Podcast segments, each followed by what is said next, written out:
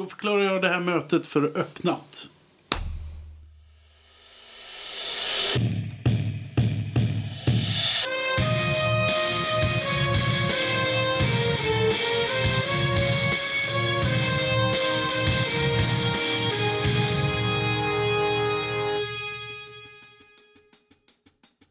Välkomna tillbaka till podden Fackligt nedslag. Det är en podd som behandlar aktuella samhällsfrågor utifrån ett fackligt perspektiv. Jag heter Daniel Johnston och jag arbetar på ABF-distriktet Stockholmsregionen. Och precis som förra gången så har vi med oss två till, nämligen till att börja med. Bernt Johansson arbetar på IF Metall i Stockholms län. Och Anki von Essen Valdén, kommunal Stockholms län. Jag är förtroendevald studieansvarig. det, det är väl kanske det som förenar oss, eller hur? Det här med att vi jobbar med studier allihopa. Ja. Och just nu så är det ju ganska så mycket viktiga andra frågor. Men vi får väl tillfälle kanske att komma till dem också. Det här med bildnings och studiefrågor. Kanske också det här med kulturens roll och allt möjligt. Vad ska vi kalla det för? Lite mjukare frågor. För nu är det ju, nu är det ju liksom löner och arbetsvillkor som sätts i avtalsrörelsen för, den kommande, för de kommande åren. Och frågan är ju då, hur går det med ehm, avtalsrörelserna? Har ni koll på det? Ja, på, för min del IF Metall så har vi ju tecknat en hel del avtal redan. Och framförallt våra tunga avtal, tekniker, teknikavtalet, det är ju klart.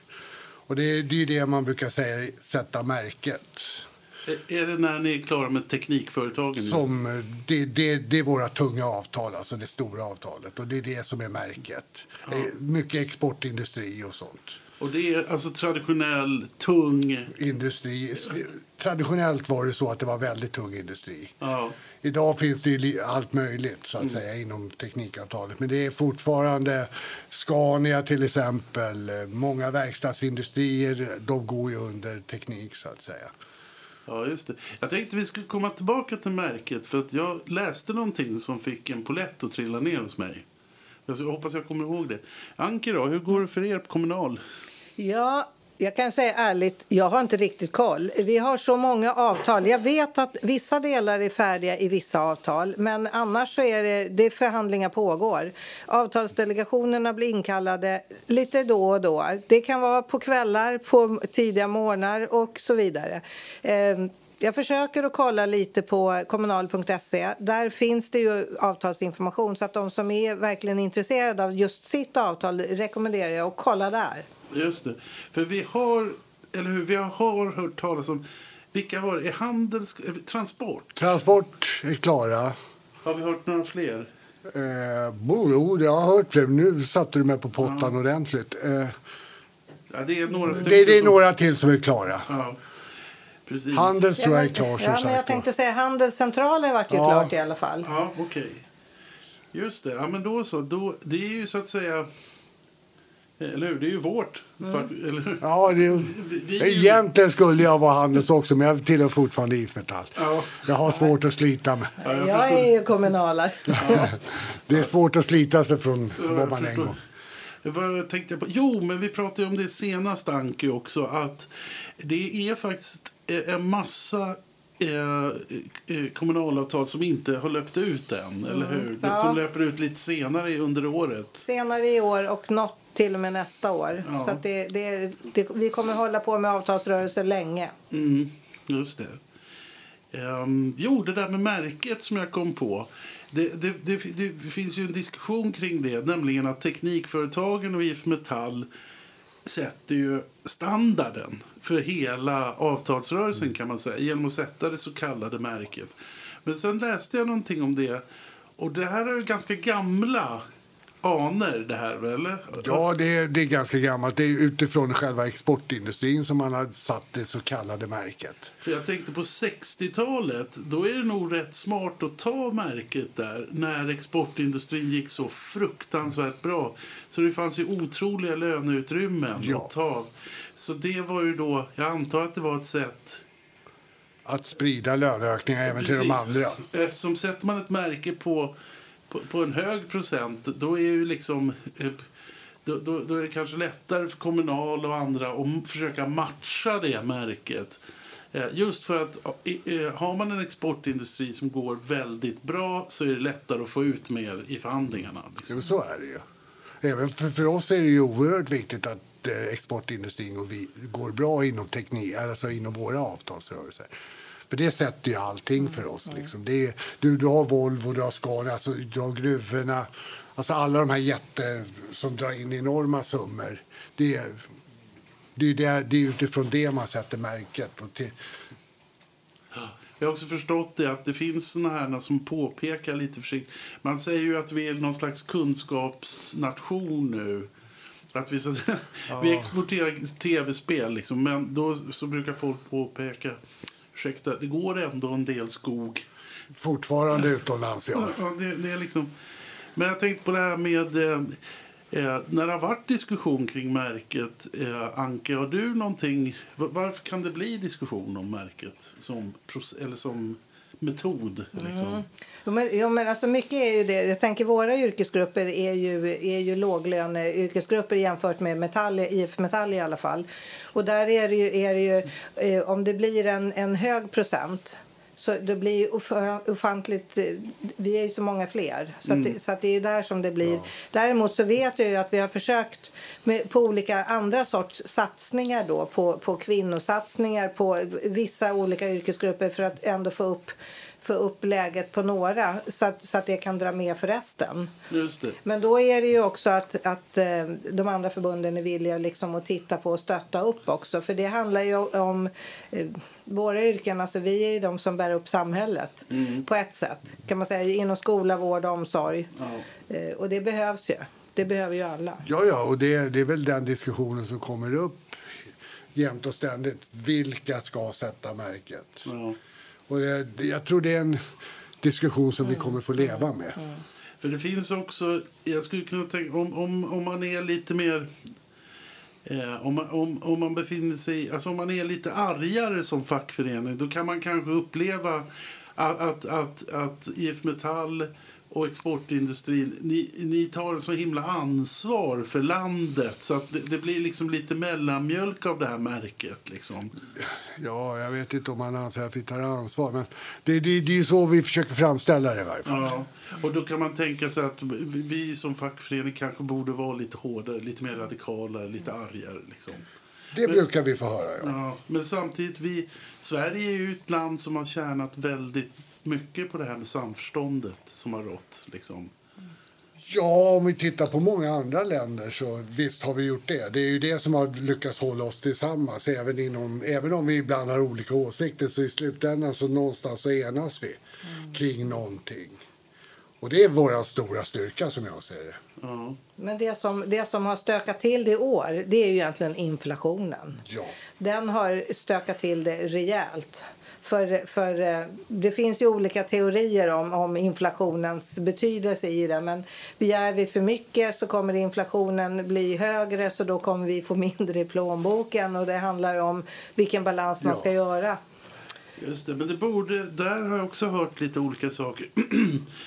Till exempel så läste jag att eh, någonting sånt här i stil med att tio års löne, reallöneökningar är utraderade. Eller någonting sånt där. Jag vet inte. Det, det, jag vet inte, för det är så... Det är så liksom flummigt att förstå det här med inflation. Samtidigt så borde ju fackföreningarna kunna... Till exempel, så här, hur kan en arbetstidsförkortning vara inflationsdrivande? Alltså jag är inget geni, men jag kan inte, få, jag kan inte förstå varför den skulle vara det. Liksom. Där har inte jag, den frågan har jag inte satt mig in i, så där vågar jag inte säga. Däremot så visst, en viss del av de löneökningar vi har haft, de har blivit uppätna. Ja, det har de blivit. Men jag tror inte allt. Det tror jag inte. Nej. Nej, just det.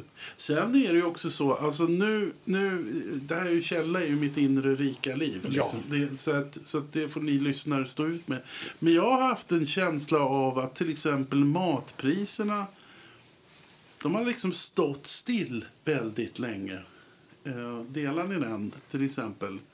Eh, eh, bensinpriset har ju liksom, men det har ju pågått länge. Ja, liksom. ja.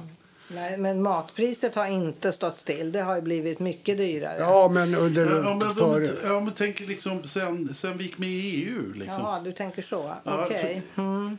Det, kanske inte har, det, det har nog inte stigit så mycket som man ibland luras att tro. Det tror jag. Eller så lever jag i ett hushåll som inte är så... Liksom, har, man, har man fyra tonåringar som liksom Då- käkar hemma, så att säga, då kanske man ser en, då har man en annan slags verklighetsbild. Liksom. Så kan det nog vara. Det Ja. tror jag. Så kan det vara. Jaha, ska vi kolla lite på det här tycker jag är roligt med avtalsrörelsens anatomi eller vad vi ska säga. Eh, för att eh, Anke, du nämnde ju det här med avtalsdelegationer. Och förra avsnittet så pratade vi om att det finns eh, en grupp av alltså förhandlare. Det är en ganska liten grupp. Det kan vara avtalssekreteraren och några till liksom, på ett fack, eller hur? Men de har den här gruppen runt omkring sig som heter avtalsdelegation eller avtalsråd. Och vad är det för en grupp? Hur funkar den? Mm, mm. Eh, hos oss är det, det är ju personer då som, som vi nominerar från de olika avdelningarna i landet till avtalsdelegation. Och det ska vara personer som går på avtalet själv och som såklart kan, kan avtalet. Som ska bli ett stöd och hjälp till avtalsrådet eller eh, avtalssekreteraren som sitter i förhandlingar med arbetsgivaren. Och kopplar, kopplar hela de som sitter vid bordet och förhandlar, kopplar de hela tiden bakåt i, i den här, liksom, att Det, det, det ska de ju göra, men kanske inte hela tiden. Utan Man försöker väl samla ihop så många frågor som möjligt för att ta med sig och ta en diskussion utanför rummet så att säga, med sina egna. Eh, Men ett avtal blir inte godkänt utan att till exempel IF Metalls avtalsråd har Råd sagt har, sagt förhandlingsdelegationen och avtalsrådet ska säga ja till avtalet. Och det är det som har hänt nu de Ja. si- sista senaste tiden. Ja. Märket sattes ju för några veckor sedan. Ja, det sattes tidigare. Ja, eller för ett tag Ja. sedan. Men nu har också ert avtalsråd godkänt det. Ja, just det. På de olika... För, alltså, vi har ju olika förhandlingsdelegationer för teknik, för motorbran- motorbranschen, för industri och kemigruppen och sånt. Så finns det ju olika som förhandlar. Men teknikarbetsgivarna går först, alltså teknikavtalet. Och det är den som sätter vårt märke så att säga för oss. Då följer de andra efter. Sen kan det vara individuella småfrågor i de olika avtalen som diskuteras. Ja, just det. Eh, och eh, vi, ehm, del, vad ska jag säga, delegaterna i avtalsrådet eller förhandlings... Vad heter det? Rådet? Delegationen. Delegationerna, ja. Kan det vara vanliga medlemmar eller kan det vara, liksom, måste det vara förtroendevalda? Eller kan det vara... Det kan vara vanliga medlemmar. Det är inte så vanligt, men, men absolut att det kan vara det. Det viktiga är att man kan och insatt i sitt avtal som man har så att man vet liksom vad, det, vad förslagen innebär utifrån eh, de yrkesgrupper som man representerar. Då. Hur stor kan, är den där gruppen normalt? Ja, de är ju mindre nu än vad de var för några år sedan. Eh, Så att, eh, eh, jag, kan inte säga, jag vet inte exakt. 20-30 pers kanske. Men de kan avtalet som förhandlas Ja, ja, ja. och de kommer från hela Sverige typ. Ja, ja. Och de får rycka in hela tiden så fort det har hänt något. Eller det. Alltså det kallas, man vet ju då när, när förhandlingarna inleds, så kallar ju förbundet, hos oss i alla fall, in avtalsdelegationen. Så att nu vet jag, förra veckan, ja, då var de inkallade liksom på måndag kväll klockan 10 och skulle träffas och sitta då hela natten och få genomgång. Jag tror inte om det nu var i måndagen eller en annan dag. Men, men, och sen så får de åka hem och sen kan de bli inkallade igen då eh, med kort varsel. Så att under den tiden när man håller på i förhandlingar eh, eh, så behöver de ju vara på tå och liksom kunna ställa upp. Ibland kan de säkert träffas digitalt också nu tror jag. Eh, Ja. Men sen är det ju om man inte då kommer fram till någonting. Det är ju då som det kan bli läge för att diskutera andra åtgärder. Ja, just det. Och... Precis. Men om vi gör klart det här först då med avtalsråd och sånt där. Det betyder att IF Metall är lite längre fram. Nu, nästa steg för er det är att de här avtalen ska förhandlas lokalt. Ja, och då, det, då bränner vi ner dem på den lokala arbetsplatsen. Ja. Och där är det ju två. Där är det antagligen våra klubbar som sköter förhandlingarna eller också är det våra ombudsmän på avdelningen som sköter det. Det. Det är lite beroende på hur det ser ut. Och sen när de är klara så är det klart. Då är det klart. Ja, just det. Precis, medan ehm, det är lite tidigt än för kommunal. Ja, vi har ju några avt- avtal fortfarande som inte är klara än. Så, eh, som finns som är fortfarande är lite svårbemästrade. Men det, det, det brukar inte vara några större problem. Nej. Men, men jag tänker det är ju de centrala avtalen, det är de som går först. Det är ju så för alla förbund. Och sen, sen när de är färdiga, det är då som arbetet börjar på lokal nivå. För det kan se väldigt olika ut Oh hur avtalen blir. Men, men det är ju liksom golvet eller taket eller vad man ska säga. Man har ju någonting att rätta sig efter. Sen kan man lokalt få igenom andra saker som man inte har fått i centrala avtalet också. Men man ska ju inte få sämre. Nej, alltså det, golvet är ju det du aldrig kan gå under. Det, det är det vi kallar det centrala avtalet. Det är golvet. Nej. Råkar du jobba på en firma som går väldigt bra så kan det finnas utrymme Oh, ja. för stor... Jag tänkte, vi, vi ska inte bara prata kronor och ören, men jag funderar på det här. Ibland hör man också diskussioner kring det här med att få eh, eh, en ökning i procent eller kronor. Eh, och det, det finns fördelar och nackdelar hit och dit. Eh, är det någon av er som vill säga någonting om det? Jag personligen tycker det är lättare som för, när jag har förhandlat, när jag fortfarande jobbade på verkstad. Så var det ju lättare för mig att förhandla i kronor och ören. Därför då kunde jag titta på varje individ och se var de ligger och lägga med så att det fanns någon rättvisa.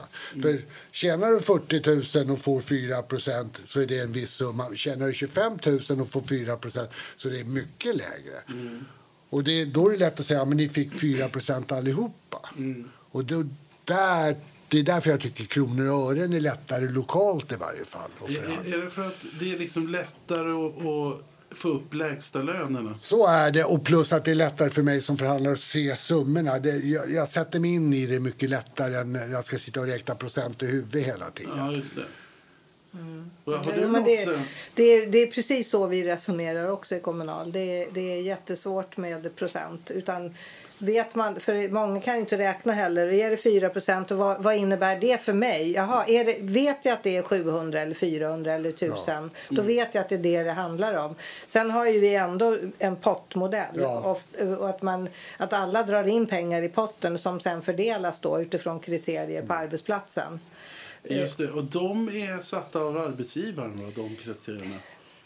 Ja, Alltså, nej. Ja, precis. Både ja och nej. För att man, man ska ju ta fram vad, vad, på vilket sätt är man ska bedömas på arbetsplatsen. Eh, och det ska ju vara känt och alla ska veta hur, hur man blir bedömd. Mm. Eh, Och sen är det utifrån då om man har lönesamtal. Alltså hur, hur tycker du att jag funkar? Och, och om jag vill ha lika hög lön som Daniel, vad behöver jag göra då för att kunna nå till det? Då ska, behöver man ju få ha en dialog med arbetsgivaren. Jo, du behöver lära dig det här och det här och det här. Jag har, jag har ett sånt minne från min, mitt arbetsliv att jag har blivit utsatt för spindelnät. Är, är det det? Det är, som, det är flera spindelnät. Ett spindelnät hette utbildning. Jaha.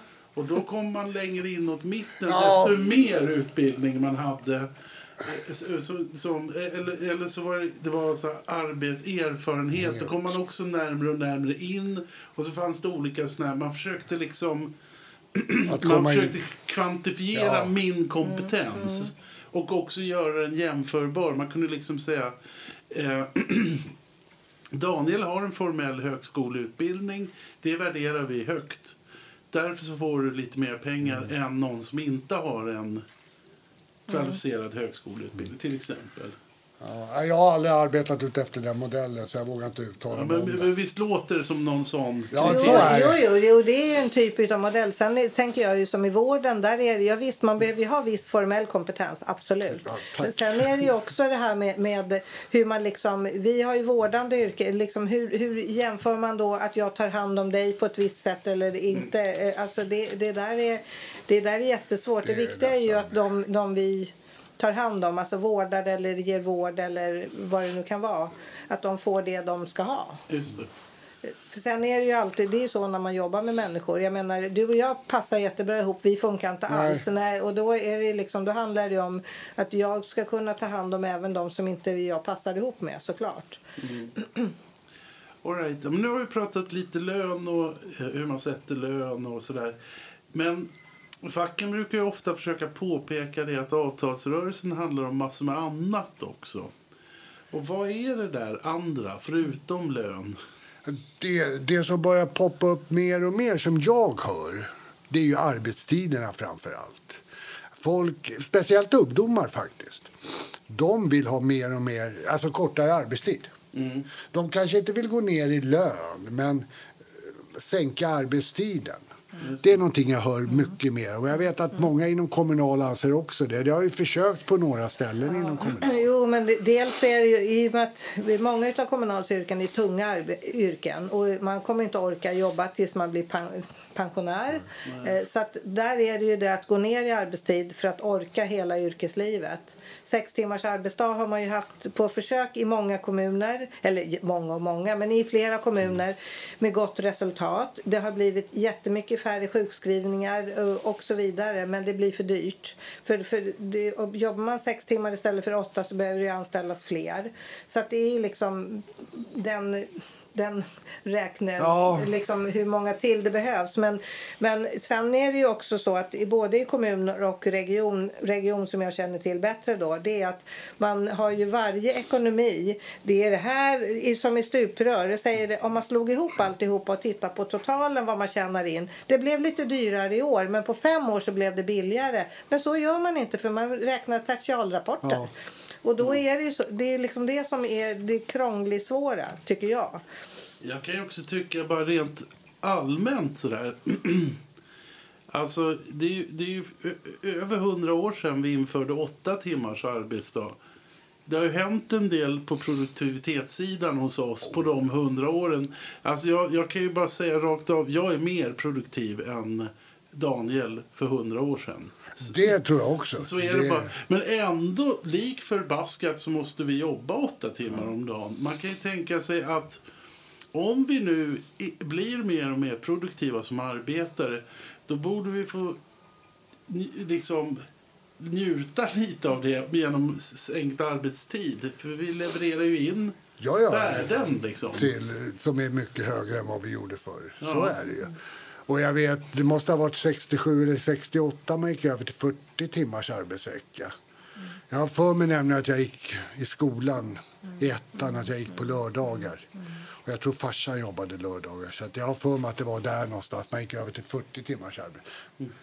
Så att, som sagt det kanske är dags att man börjar titta på den formen. Och många vill det.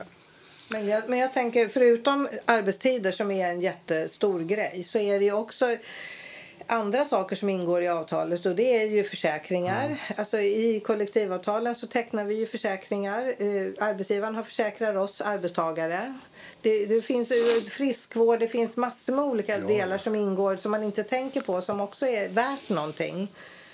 Eh, Så att, men det är ju det, det är ju kuvert, lönekuvertet det man får. Det är det som man liksom tänker på mest i första hand i alla fall. Ja, i slutändan är det ju därför du går till jobbet. Du går ju inte för någonting annat. Du går ju för att få din lön.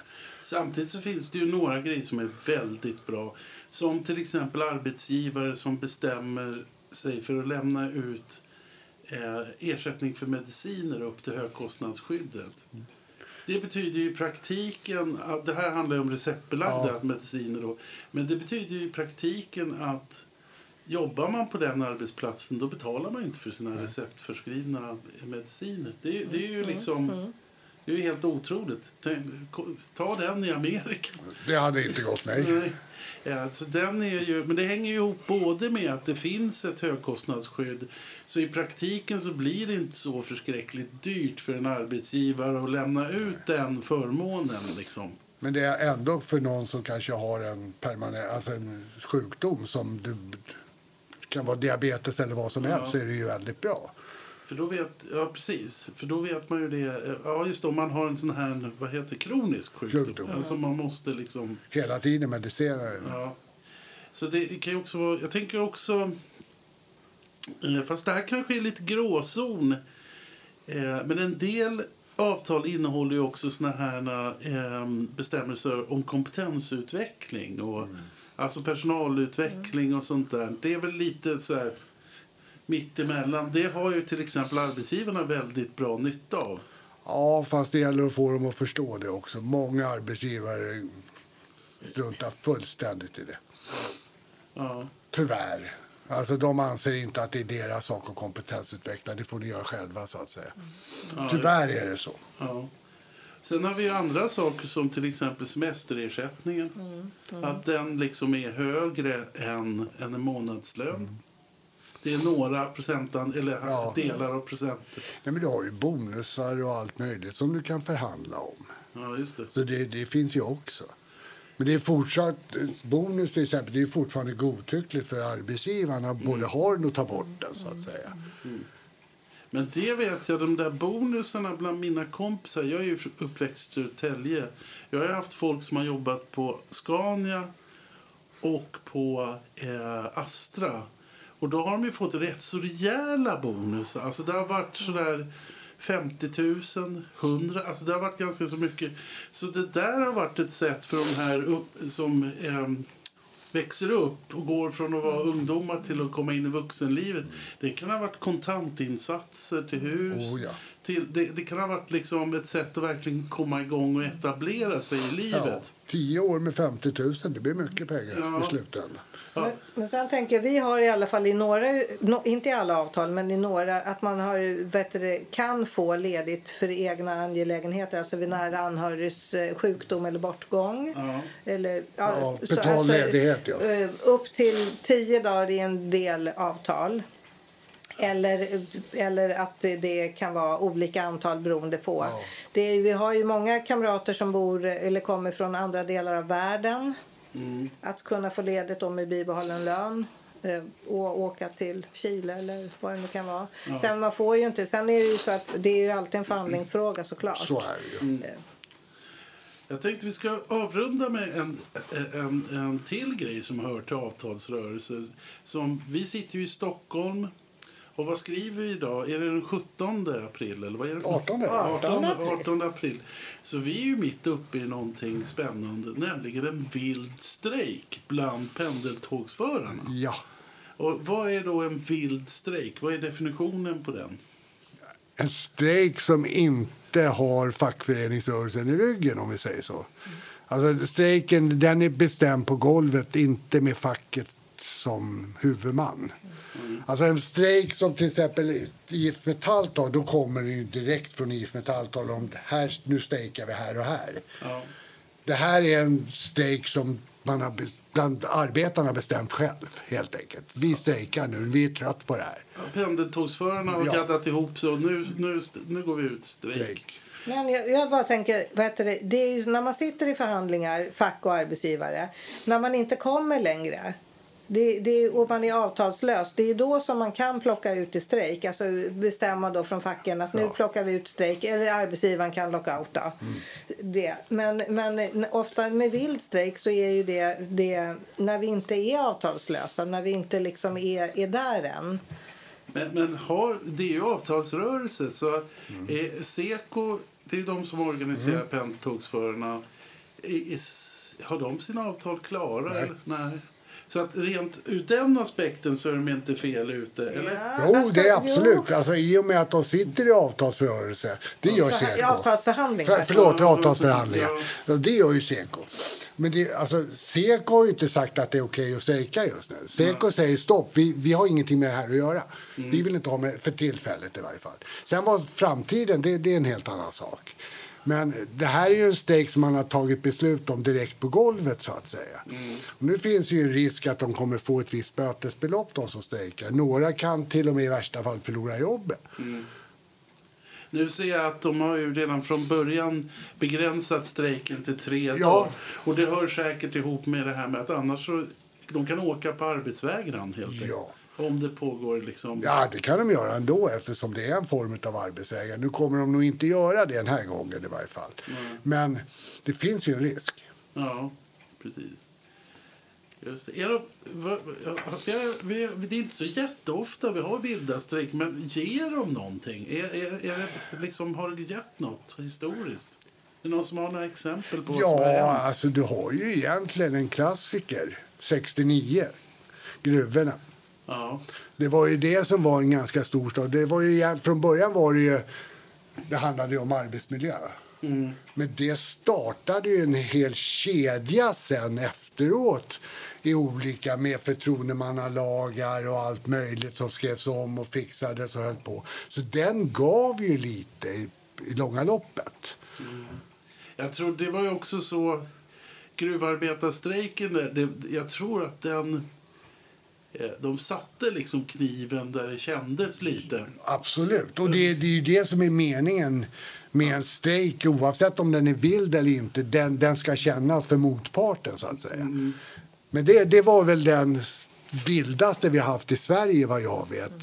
Åtminstone i hyfsat modern tid. Vi hade ju långt tillbaka har vi haft en hel del. Tyvärr gav de inte så mycket kanske som man hade önskat. Men ändå, det finns ju det finns i minnet hos folk att det har hänt. så att säga. Och den här strejken, just det du påpekade nu, att de satte tre dagar, det gör ju också att de de får ju en viss sympati av resenärerna. Alla vet att det är tre dagar som gäller. Och det var väldigt smart gjort, det måste jag faktiskt erkänna.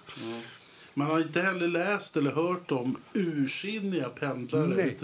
Utan de, jag tror... Hade de inte satt dagarna, då tror jag vi hade hört mer. Då hade det nog blivit lite mer livat på golvet. Så att säga. Ja. Det var i och för sig någon ung människa som var ute och sa ungefär så här, ja, det är ju jämt strul.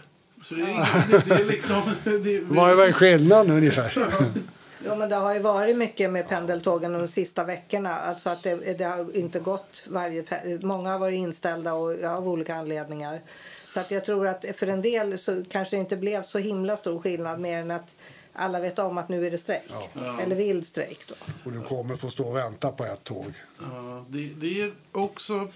Det, jag tycker den är rätt så bra den där strejken för att till att börja med, pendeltågssystemet i Stockholm flyttar en väldig massa människor. Oh, Alltså, Ett tåg kan ju, kan ju, jag tror de kan ta upp till 1800 pers, ett pendeltåg. Ja, i alla fall mer än tusen hörde Ja, jag. ja, ja, ja. Alltså, de går ju varje kvart, de där tågen, när de går. Så att det är ju en del folk som liksom flyttas fram och tillbaka hit och dit till Stockholm. Men samtidigt så är man inte helt rökt om de inte går. Nej, du har ju, du har, alltså, vi har ju tunnelbana, vi har bussar, vi har tvärbana. Så att det går ju att ta sig. Krångligare, ja. Men det går att ta sig. Men det som jag är lite orolig för när det blir såna vilda strejker det är ju vilka ringar på vattnet ger det till andra. Kan inte vi också, om inte vi får igenom vårat liksom det här, men det, det vill ju verkligen till att, att de som gör en sån här grej har tänkt igenom för man riskerar ju också sitt jobb. Ja. Sen är det också den här vilda strejken är...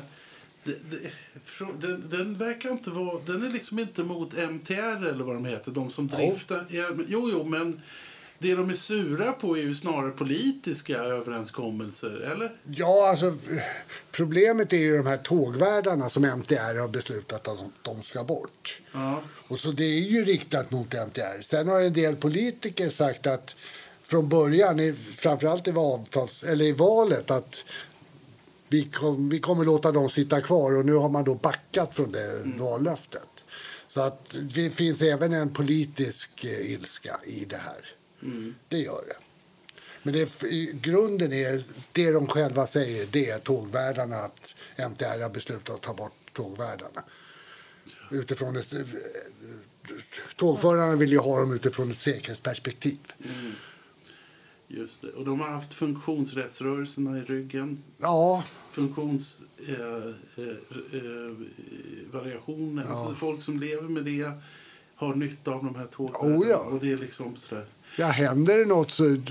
Det, tågföraren står längst fram. Han har ju... Ja, det är inte så lätt att hålla koll på hela det tåget kan jag säga i rusningstrafik. Med 1800 pers Nej, det- i det. Nej, om man är ensam. Jaha, då kanske vi ska ta och runda av här. Ehm, jag tänkte på... Vi, nästa gång vi ses ehm, så ses vi direkt efter första maj och gör nästa Ja. avsnitt. Då. Det blir kul. Då, då snackar vi om första maj. Det tycker jag. Ja, och hur det har sett ut. Ja, men annars så eh, vill jag bara tacka våra kära lyssnare för visat intresse och hoppas att vi ses igen. Jag hoppas Tack. vi ses på första maj. Ja, Absolut. verkligen. Då ses vi på Ja. barrikaden. Ja, Ja. vi säger så. Ja, det gör vi. Hej. Hej. Hej.